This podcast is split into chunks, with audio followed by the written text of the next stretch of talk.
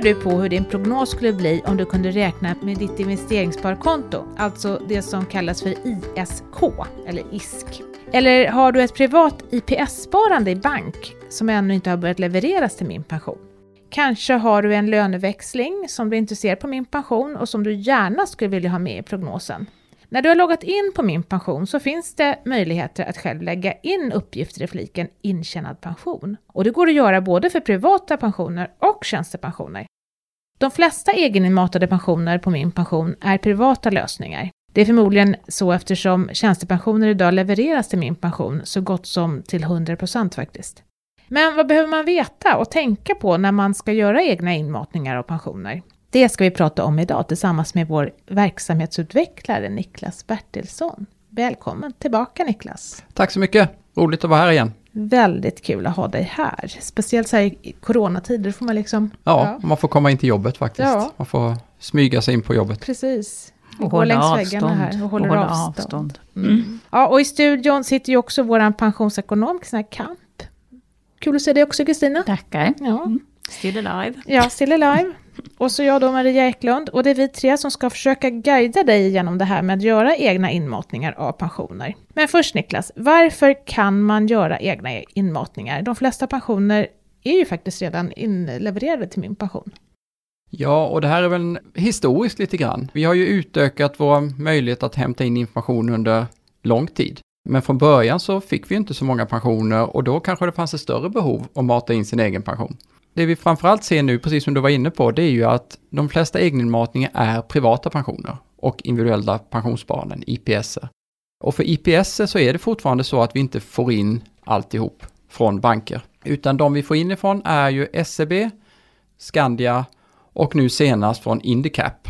Men vi får till exempel inte från en sån stor aktör som Swedbank. Och där mm. har många IPS, och även om man inte har något sparande fortfarande, eftersom det inte är avdragsgilt för de allra flesta, så har man ju fortfarande ett kapital där. Och det vill man ju naturligtvis ha med i sin pensionsprognos. Det kan vara rätt mycket pengar. Mm, så det kan ju ha en stor betydelse för pensionsprognosen. Och då vill man ha möjligheten att lägga in det själv som en egeninmatad pension under privat pension intjänad. Och då tar vi med det i prognosberäkningen. Ja men det är bra. Så att lägger man in saker där bland sina försäkringar så kommer det i alla fall med, då räknar vi med dem. Ja, ja, då räknar vi med det. Och antingen kan man lägga in, vi kommer nog mer detaljer, men antingen kan man lägga in sitt kapital, så mycket som det är värt idag. Mm. Men man kan också eh, lägga in den eventuella premie som man har. Mm. De flesta, har, de flesta har ju inte en premie idag, framförallt när det är privata, eftersom Nej. det inte är avdragsgillt längre. Precis. Men hur gör man då? Man går in under intjänad pension när man har loggat in. Och då går man in på, är det en tjänstepension så går man in i den delen, tjänstepension. Men för de allra flesta så hamnar man ju då och ska lägga till för en privat pension. Och när man kommer in där så precis under de här pajdiagrammen så står det lägg till försäkring. Då klickar man där, då kommer det upp en ny ruta och då finns det uppgifter som man behöver fylla i. Man behöver fylla i vilket bolag det gäller, vilken typ av sparform det är. Hur vet man det? Ja, oftast här kan man ju ta hjälp av antingen kanske man kan gå in på många nu bankernas, för oftast är det ju banker då som har IPS eh, på deras internetkontor, på deras Mina sidor eller liknande. Och så finns det uppgifter om de här pensionerna där. Och då står det ofta då om det är en privat pension eller om det är en IPS. Och om det då sparas i en traditionell försäkring eller i en fondförsäkring och liknande. Eller i en depå. Så där är det egentligen att man, man tar de uppgifter man har, eller man har fått hem ett papper, ett försäkringsbesked eller liknande. Och sen tar man och fyller i de uppgifterna som finns. Och det finns en liten röd cirkel där det är obligatoriskt att fylla i. Så då måste man fylla i. Och sen fyller i och trycker på spara. Och sen ligger den där då? sen alltid. ligger den där tills du själv gör någonting. Här blir det ju ingen, även om du har valt att den här är en IPS i Swedbank, så har ju inte vi någon koppling mot Swedbank som gör att den här uppdateras. Nej. Utan du måste själv uppdatera hela tiden. Just. Men är det så att du har lagt in själv, eller jag tror också det är så att många kanske har fått hjälp att lägga in det här en gång i tiden, när de var på bank och liknande. Mm. För vi kan se, när jag tittar så är det rätt vanligt att jag ser att någon har en IPS inlagd med ett kapital och även ett sparande på 12 000 kronor i månaden. Och 12 000 var ju det... Per år va? Ja, förlåt. Mm. 12 000 per år. Per år. Mm. Eh, 12 000 var ju det man senast fick göra avdragsrätt för. Mm. Och det är fyra år sedan. Och det är fyra år sedan och många ligger kvar med de där 12 000 kronor per år i sparande. Fast man egentligen inte sparar Förmodligen någonting. är det väldigt få som har det där och det innebär ju att eftersom du inte gör någon uppdatering själv och vi har ingen koppling på de här egeninmatade försäkringarna, pensionerna mot bolagen, så räknar min pension med de här 12 000 kronorna extra insättningar per år ända fram till om du då har valt 65 år. Och det kan ju göra att prognosen blir missvisande. Mm. Så det här är ju jätteviktigt att du själv tar ansvar för egeninmatade pensioner och uppdaterar dem. Mm. Och även faktiskt om du har börjat ta ut de här pengarna. Så kan det också vara. Så vill mm. du till att du även har koll och så att säga backar bandet och minskar beloppet då. Det, det får man väl också göra en gång om året eller något sådär. Ja, absolut. Liksom, men, och det kommer upp en... När man har gått in på min pension och får en prognos så kommer det uppe i vänstra hörnet ovanför prognosen en prognosvarning som är om egeninmatad pension. Så det är vårt sätt att signalera att du har en egeninmatad pension. Och är det så också att den där uppgifterna är mer än 18 månader gamla från det att du la in dem, då kommer det en särskild varning om det som säger att du verkar ha gamla uppgifter. Ska du inte uppdatera dessa? Mm. Så det kan vara viktigt att titta på. Mm. Vad händer om, om Swedbank då, vi säger då Swedbank som eh, exempel, eh, om de börjar leverera uppgifter om min IPS till min pension, vad händer då? då? Försvinner den här egenmatningen då? Nej, inte per automatik. Eh, det kan vara så att om vi nu skulle få en, en stor leverans från ett bolag eh, som vi inte haft tidigare, då har vi en möjlighet att göra utsökningar och titta, ja, men vilka har valt exempelvis då eh, IPS och Swedbank. Och så tittar vi, ja men okej, vad kommer vi få in? Och då kommer vi möjligen att kunna göra så att vi tar kontakt med de här via att vi skickar ett meddelande liknande. Men det är ju jätteviktigt, har man lagt in en egeninmatad pension och man får vetskap om att, men vänta nu får ju min pension uppgifter om det här. Kanske att man har lyssnat på några av våra poddar eller läst blogginlägg eller liksom uppdateringar som vi skickar ut. Att man då själv tar bort dessa. För annars blir det risken att det blir dubbelt. Mm. Du får både den du har lagt in själv och den vi nu hämtar in från bo ditt bolag. Då blir prognosen fel. Ja, den blir alldeles för hög. Och då är ju mm. risken när du väl plockar ut sen att nej, men det här blev en obehaglig överraskning. Jag trodde jag skulle få så här mycket, men det visade sig att det blev mindre. Mm. Ja, det är inget bra. Och många av de här ips och privata pensionerna är ju ofta så kanske att de plockas ut på fem år. Så det kan bli rätt höga belopp liksom där i början. Som man då tror sig ska få och som visade sig att nej men vänta det här blev ju inte på det sättet. Mm. Du, jag tänker på en grupp som fortfarande har eh, avdragsrätten kvar. Det är ju egenföretagare. Absolut. Hur ska de lägga in sina pensioner på min pension då? Ja, först ska man säkerställa att vi verkligen inte får det från ett bolag redan. Mm. För vissa bolag levererar ju naturligtvis till oss. Men är det så att vi inte får det, ja men då är det ju att de kan ju göra det som en egeninmatning av, och sen kan man diskutera om det är en tjänstepension. På något sätt har ju de det via sin tjänst. Eller om det är en privat pension. Det har inte så stor betydelse vilket egentligen de lägger in. Man kan göra på vilket som. Men då är det ju att lägga in den med det kapital som finns precis som en vanlig egeninmatning och eventuell premie som man betalar in. Men är det så att den här, att man då ju som egenföretagare håller på att kanske ändra i de här premierna, Ja, då får man ju också ändra egeninmatningen så du liksom inte ena månaden kanske du har en insättning på 5000 men eh, några månader senare kanske du drar ner det till 1000 och liknande. Liksom. Att du håller på på det sättet. Vi räknar ju med det som, som finns registrerat just nu. Så har du matat in 5000 kronor i månaden, då är det det vi räknar med fram till ditt uttag av pension. Mm. Men har du då kanske bara dragit ner det till en tusenlapp i månaden, ja då räknar vi ju 4 000 kronor för mycket i månaden med insättningar. Mm. Ja. Så det är jätteviktigt att man själv håller koll på sin egenmatade pension och hela tiden justerar den. Och här pratar vi fortfarande också om det som är avdragsgillt, det, den typen av pensionssparande. Ja. För att det är viktigt också när det ska tas ut eftersom då skattar du det här som motsvarande som lön. Så att även som egenföretagare, att du ska liksom veta vad det är du sparar i för någonting. Men är det ett avdragsgillt pensionssparande, då ska du in under den här typen av pensioner. Det har vi varit inne på, det går att ta bort en uppgift då som jag har lagt in tidigare. Det går både att ändra och ta bort. Om man går in på intjänad pension, då kommer du se de här egeninmatade pensionerna som en... Det finns på varje rad som man ser försäkringar, pensionerna. Vår, vår branschsnack säger försäkring, men det, så ibland ramlar jag dit, men egentligen ska det ju vara pensioner, det kanske blir enklare att förstå för er allihop. Men de här pensionerna, då finns det en liten penna med ett, på ett ark och så står det egeninmatad, där står det faktiskt egeninmatad försäkring. Det har vi inte ändrat ännu. Mm. Och då finns det därefter två man kan klicka på, ändra eller ta bort. Klickar man på ändra kommer det upp en ruta igen och då kan man gå in och justera de värdena man fyllt i tidigare. Och trycker man ta bort, då kommer det, har jag för mig, en bekräftelse, vill du verkligen ta bort det här?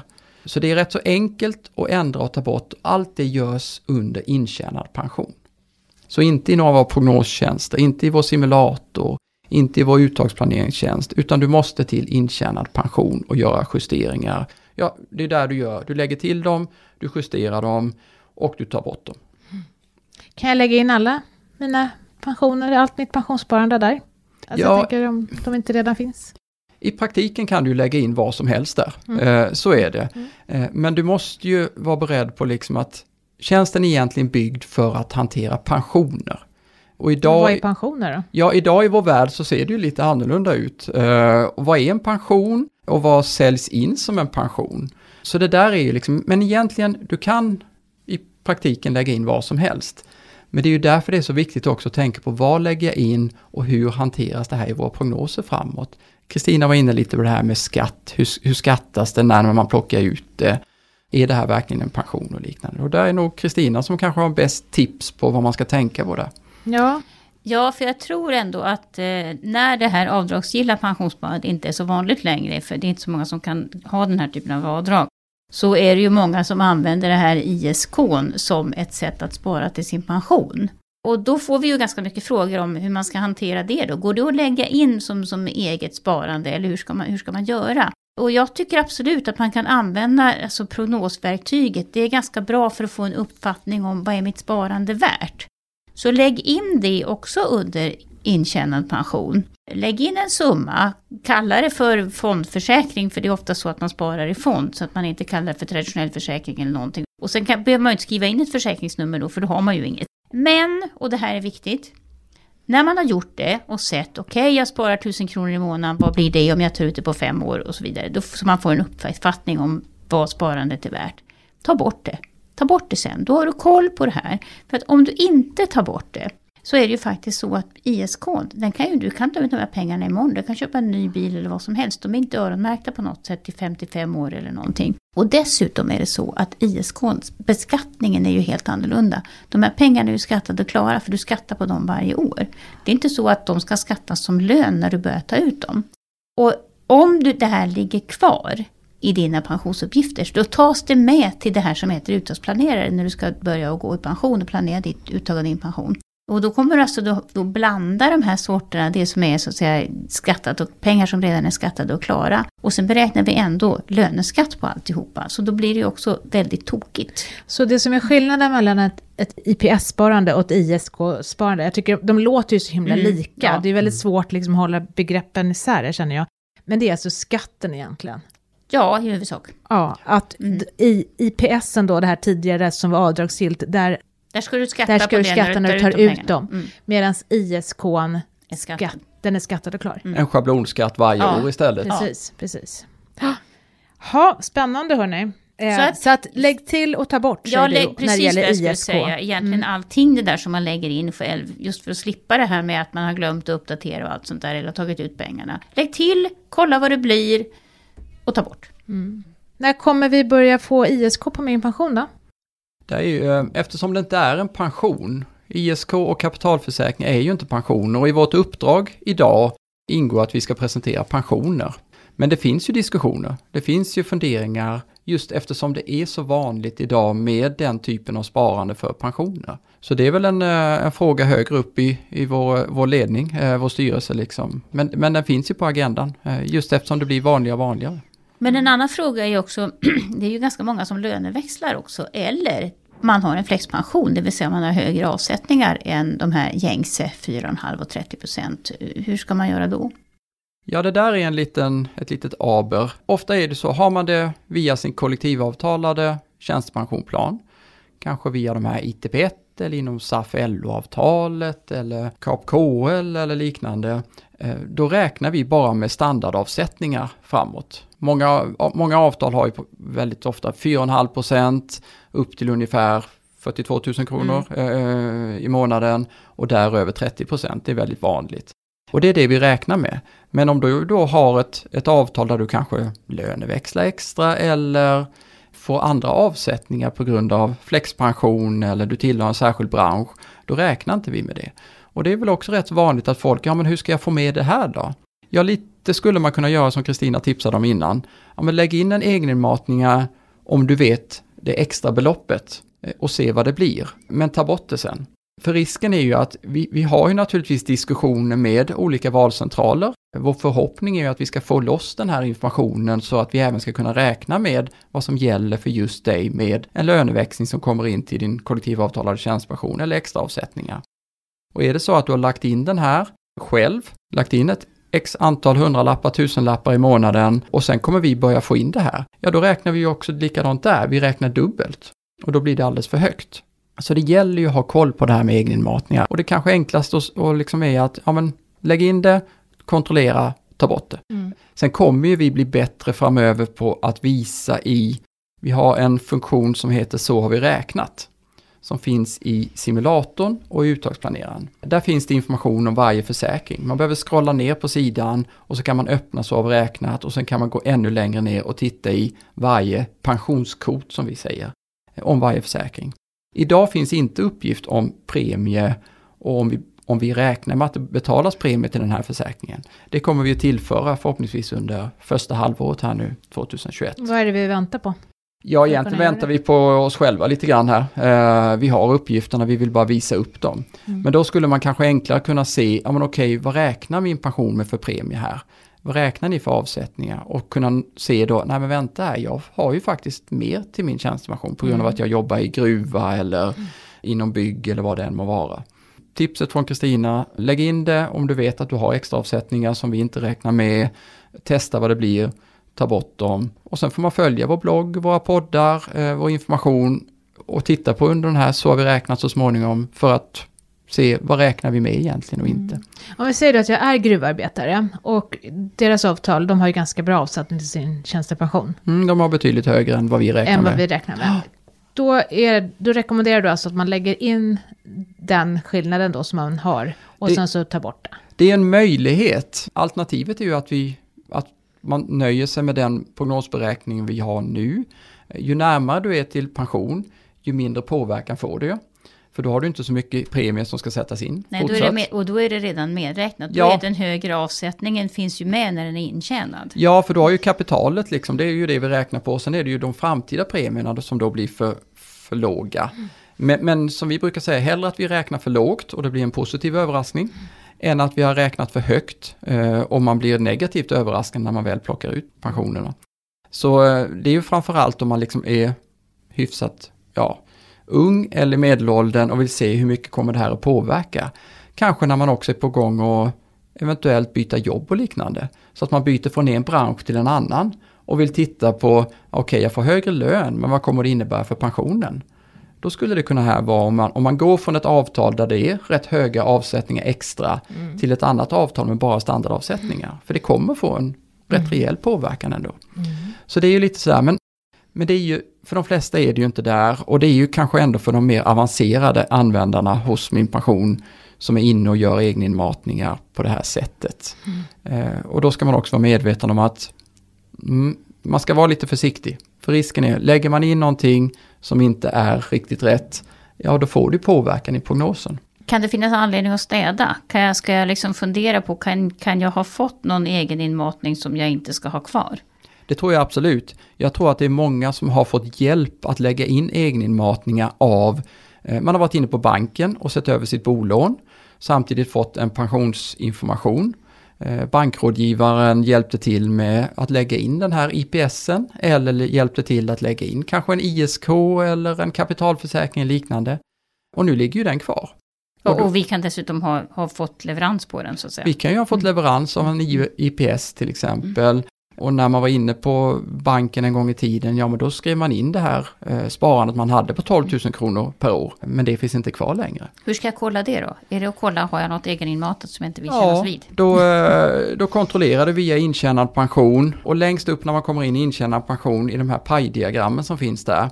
Då finns det, finns det en egeninmatningar så kommer det en liten asterix under som det står att eh, innehåller uppgifter du själv lagt till. Mm. Så står det.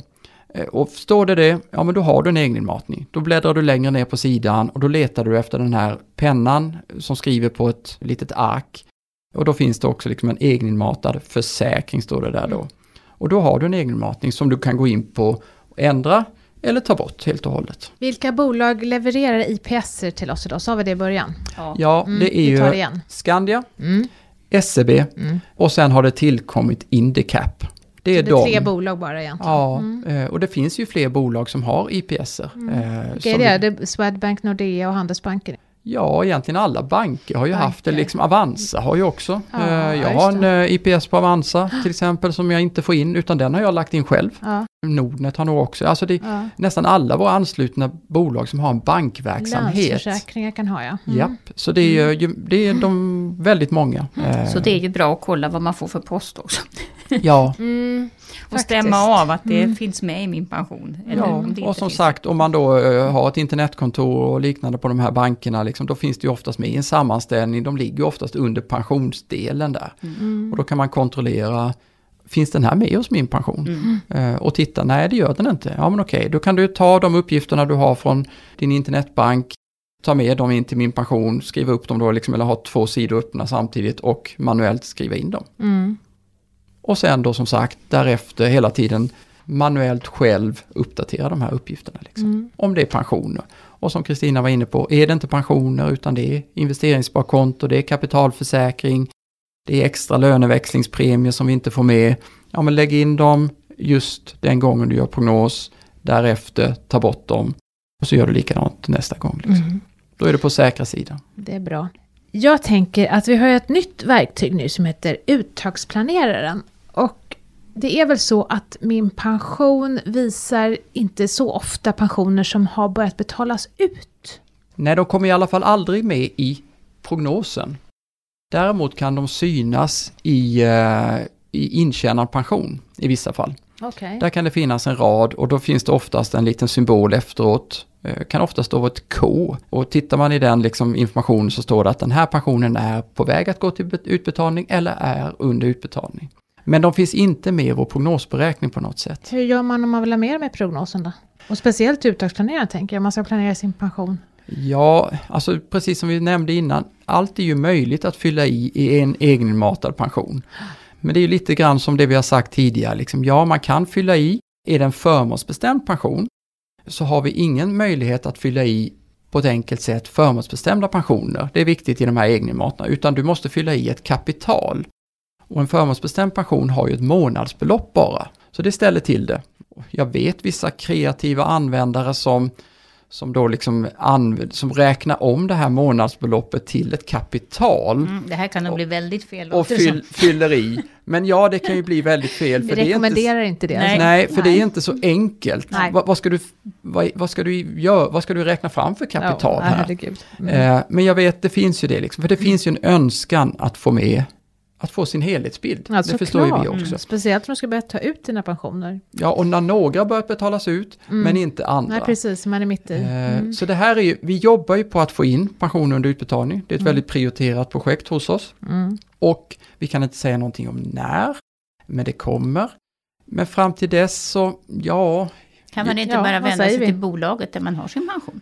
Jag tycker nog att man ska, precis så, man vänder sig till bolaget och jag tror att man kanske kan föra det här vid sidan av lite. Att de du har under utbetalning, har de vid ett litet ark, vid ett litet papper vid sidan av, tillsammans med vår prognos. Mm. Istället för att försöka krångla in dem med egeninmatningar när det riskerar att bli fel. En vanlig miniräknare kan fungera väldigt bra. Ja, Mm. de som gillar Excel-ark kanske kör det vid sidan av. Jag som gillar Word det. Ja, kör det i Word och liknande. Men jag tror man ska vara försiktig med att blanda det här, för risken är ju att, att man råkar göra fel och det ser alldeles för bra ut. Och då blir man kanske inte så positivt överraskad när man väl upptäcker att nej men det här var inte riktigt så det skulle vara. Nej. Om man känner att man behöver hjälp med det här nu då, liksom om man säger att, att jag har pensioner under utbetalning och sen så ska jag inte lägga in dem på min pension, vart kan jag få hjälp?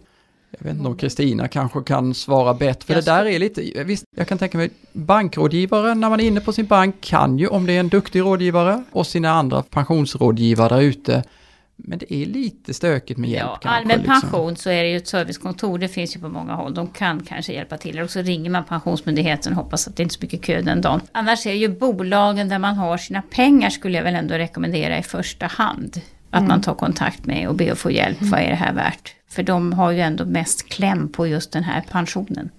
Skulle jag tycka. Hörni, går det att summera det här?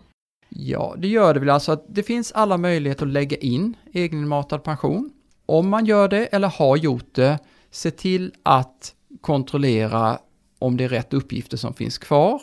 Är det en egeninmatad pension får vi inte några uppdateringar på den från dina bolag, utan då är det du själv som ansvarar för att hålla det uppdaterat. Gäller det inte längre, finns den inte kvar, då tar du bort den. Och sen får man ju tänka lite på vad är det man ska lägga in, Kristina? Det kanske du kan fylla i. Jag skulle börja med så här, tänk på att du bara lurar dig själv, du lurar ingen annan om du lägger in liksom pengar som du sen tar ut och såna här saker. Så det är ju du som behöver vara noga om du vill ha en korrekt pensionsprognos. Men jag förstår samtidigt det pedagogiska behovet av att ha en sparkalkylator skulle jag vilja kalla det för. Om du vill spara till extra till din pension och undrar hur ska jag veta vad jag behöver spara? Då är det jättebra att använda det här verktyget för att lägga in pengar. Vad händer om jag sparar 1000 kronor i månaden? Vad blir det om jag sparar i 10 år och tar ut på 5 år? Bra, använd kalkylatorn, lägg in det och ta bort summan sen.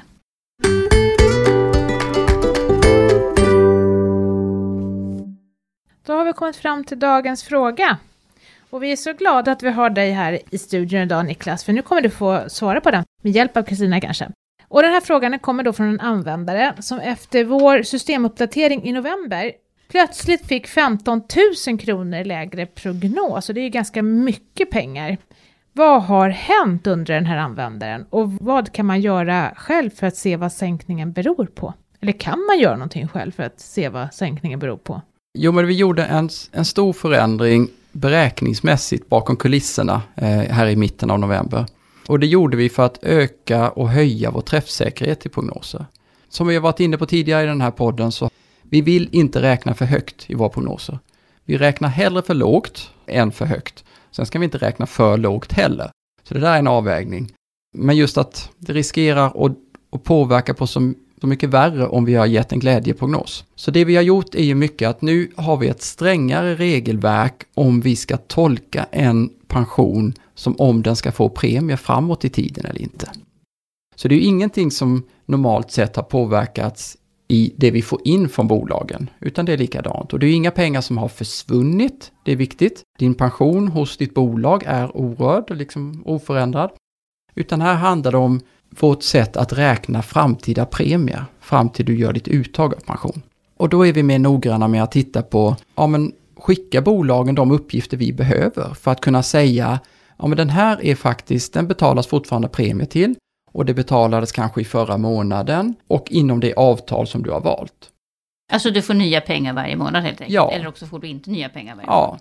Ja. Eh, Och tidigare har vi liksom haft ett lite, inte tillräckligt strängt regelverk som har gjort att vissa har fått för höga pensioner. För höga pensionsprognoser. De kanske inte har fått för höga pensioner, men för- prognoserna har blivit för höga. för hög. Eh, och det vi kan se egentligen, det vanligaste orsaken till att man nu får en lägre prognos, det är att man ligger med fel avtalsområde valt. Det är jättevanligt. Så det ska man kolla alltså? Det är det första man ska kolla. Gå in på min pension, titta under inställningar och se vad har jag valt? Vad ska man välja då? Ja, det, Det, det det, man det man tillhör. Men det här är ju inte, det här är ju väldigt svårt. Det förstår Mm, jag också liksom att jag som jobbar inom pension kan ju förstå de här skillnaderna. Men för många andra är det ju bara Vad bokstavskombinationer. är det för skillnad på ITP1 och ITP2 till exempel? Det är ju jättesvårt. Man vet kanske att man är privatanställd tjänsteman. Det är ju gott så, tänker jag. Ja, eh, och väldigt många väljer ju då ITP1 märker vi. Ja. För man tror ju att, ja men jag har ju haft ITP jättelänge och jag börjar komma upp i åldern och då är det väl ettan borde ju vara det avtalsområde som kom till först och därför ska jag väl tillhöra ettan. Men nej, så är det ju naturligtvis inte utan avdelning två är ju den som kom först. Och så är det ju för att det ska fasas ut och sen kommer det bara ettorna vara kvar. Då kan man ta bort det. Ja, och så är det ju inom väldigt Ja. många av de här avtalsområdena, ITP, FTP, KTP, BTP, PA16. Så det är ju jätteviktigt där och vet man inte vad man har, kolla med arbetsgivaren. Ja, Det är det hjälper det, enklaste. vet de. Men de vet va? Man får ju hoppas att de vet. Lönekontoret vet, vad Ja, de, ju, de kan titta i sina register Ja. och. Ja, eh, man kan ju ofta, tillhör man ett kollektivavtalat avtalsområde så är man ju ofta ofta också knuten till en valcentral. Till exempel till Collectum, till Fora, valcentralen, SPV, pensionsvalet. Logga in där och titta ja men vad har jag liksom, eh, för där står det oftast i klartext eh, vilket avtal jag tillhör. Just det. Det här börjar kännas avtalet, som en e egen podd. Verkligen, så ja. avtalet är viktigt. Mm. Avtalet är jätteviktigt, för är det så att man har valt fel, mm. då kommer vi inte hitta någon försäkring där. Eh, och då kommer vi att räkna på något vi kallar, vi har lite olika namn för det, prognosvarningen som kommer upp, upp i vänstra hörnet ovanför prognosen. Där står det att du kan ha en schablonberäknad försäkring. Kontrollera om du verkligen har valt rätt avtalsområde. Tittar man i simulatorn i detaljvy, då står det tänkt framtida intjänande. Men då är det så att då har vi inte hittat, du har valt kanske ITP 1, men vi hittar inga ITP 1-försäkringar. Och då räknar vi istället ITP 1 framåt, men du hade egentligen ITP 2. Ja. Blir det jättefel? Ja, det kan det ju bli liksom. Och framförallt då om du har en, en eh, individuell tjänstepension, du kanske har en löneväxling som ligger vid sidan av. Eftersom vi inte kan hitta rätt här då, då, då lägger vi den här övriga tjänstepensionen, den här löneväxlingen, individuella tjänstepensionen i fribrev kallar vi det. Vi mm. räknar inte med framtida premier till den, för vi tycker att någonting är fel. Så det här är ett sätt att gardera oss. Och, det här och då blir prognosen lägre helt enkelt? Ja, då kan det ju bli rätt mycket det. lägre. För har du mycket insättningar i någon individuell tjänstepension, du har kanske en löneväxling som vi får in. Och det kan vara rätt höga premier. Men mm. han hade ju fått, en, i det här fallet så var det någon som hade fått 15 000 kronor mer förut. Nej, och sen, nej lägre. Nej. Ja, lägre nu ja. De, allra, ja, lägre förut, nu, ja. de allra flesta får ju, som drabbas eller påverkas, får lägre. Och då kan det oftast vara att och det kan det både vara rätt och fel egentligen då? då? Ja, man måste titta egentligen. Eh, vi har haft rätt många där man har valt ett kollektivavtal, ett avtalsområde. Man har valt ITP1. Men när det visar sig sen att ja, men jag tillhörde inte ITP1, men min arbetsgivare hade en pensionsplan som liknade ITP1. Mm. Och då har vi tidigare räknat både ITP1-premier framåt, men också den här individuella tjänstepensionen som man, som man hade. Och då har vår prognos blivit alldeles för hög. Dubbelt så mycket pengar. Ja, dubbelt så mycket pengar. Eh, och har man då lite högre lön, då kan det här bli rätt mycket mm. fel. Och då kan det vara, handla om så här stora summor som 15 000 kronor i månaden. Men det viktigaste är, har jag rätt avtalsområde valt? Är det verkligen det jag ska ha? Och sen titta liksom mer neråt. Kan jag göra en uppdatering? Är det så att någon pension kanske har försvunnit den senaste tiden? Kanske har gått till utbetalning och liknande. Så gör under insamlingsstatus en uppdatering för att se har jag fått in alla? Och sen kontrollera och tänka efter, är det någon av mina pensioner som kan ha gått till utbetalning och inte rapporteras längre? Det är väldigt vanligt, framförallt om man närmar sig eh, de 65 liksom. Och är det så att det inte har löst frågorna, ja men ta kontakt med vår kundservice. Så får vi titta på det liksom och bistå. Vi har ett blogginlägg, men jag tror det, det är bra att tipsa om. Mm. Att titta på det, för där finns lite information och där finns tips vad man ska göra i en liten checklista. Mm. Och den sista är egentligen kontakt med vår kundservice. Men gör mm. de här tipsen först, för det löser oftast väldigt mycket. Och det är bättre att få rätt pension. För det är ändå det man får i plånboken Ja, jag tänker det också. Att även om man då, om det var en glädjekalkyl ja. förut och den kändes bra, så ja. är det ju... nu är det ju ändå rätt för, ja. för de allra flesta. Ja. Så Men så blir det ju naturligtvis, vi har ju en, det är bra att nämna, vi har en dialog med, med våra anslutna pensionsbolag, för vi behöver få in uppgifter på ett lite annorlunda sätt än vad vi har liksom godkänt tidigare. Mm. Så det här kommer vara en pågående process som det så ofta är på min pension. Vi gör lite steg hela tiden för att det ska bli träffsäkrare, bättre prognoser. Och ibland blir det lite hack i kurvan som vi behöver liksom hjälp mellan oss och pensionsbolagen mm. för att rätta till. Precis. Är vi klara där? Ja, jag tycker det. Ja. Det, är, det är nog eh, svar på frågan. Ja. Tack för att du kommer då Niklas. Stort tack för att du var här igen. Vi hoppas att vi snart Till nästa gång. Dig. Ja, precis. Vi hör dig snart igen tror jag i podden. Ja, och tack också till dig som har lyssnat på Min Pensionspodden idag, när vi har pratat om egeninmatningar och hur du gör dem på Min Pension. I avsnittet hörde du Niklas Bertilsson, Kristina Kamp och så mig, Maria Eklund. Och Min Pensionspodden produceras av Min Pension som är en oberoende tjänst som ger dig koll på alla dina pensioner. Fler avsnitt hittar du där poddar finns och där kan du också följa podden. Frågor och funderingar om pensioner mejlar du till poddatminpension.se. Ta nu hand om dig och dina pensioner så hörs vi snart igen.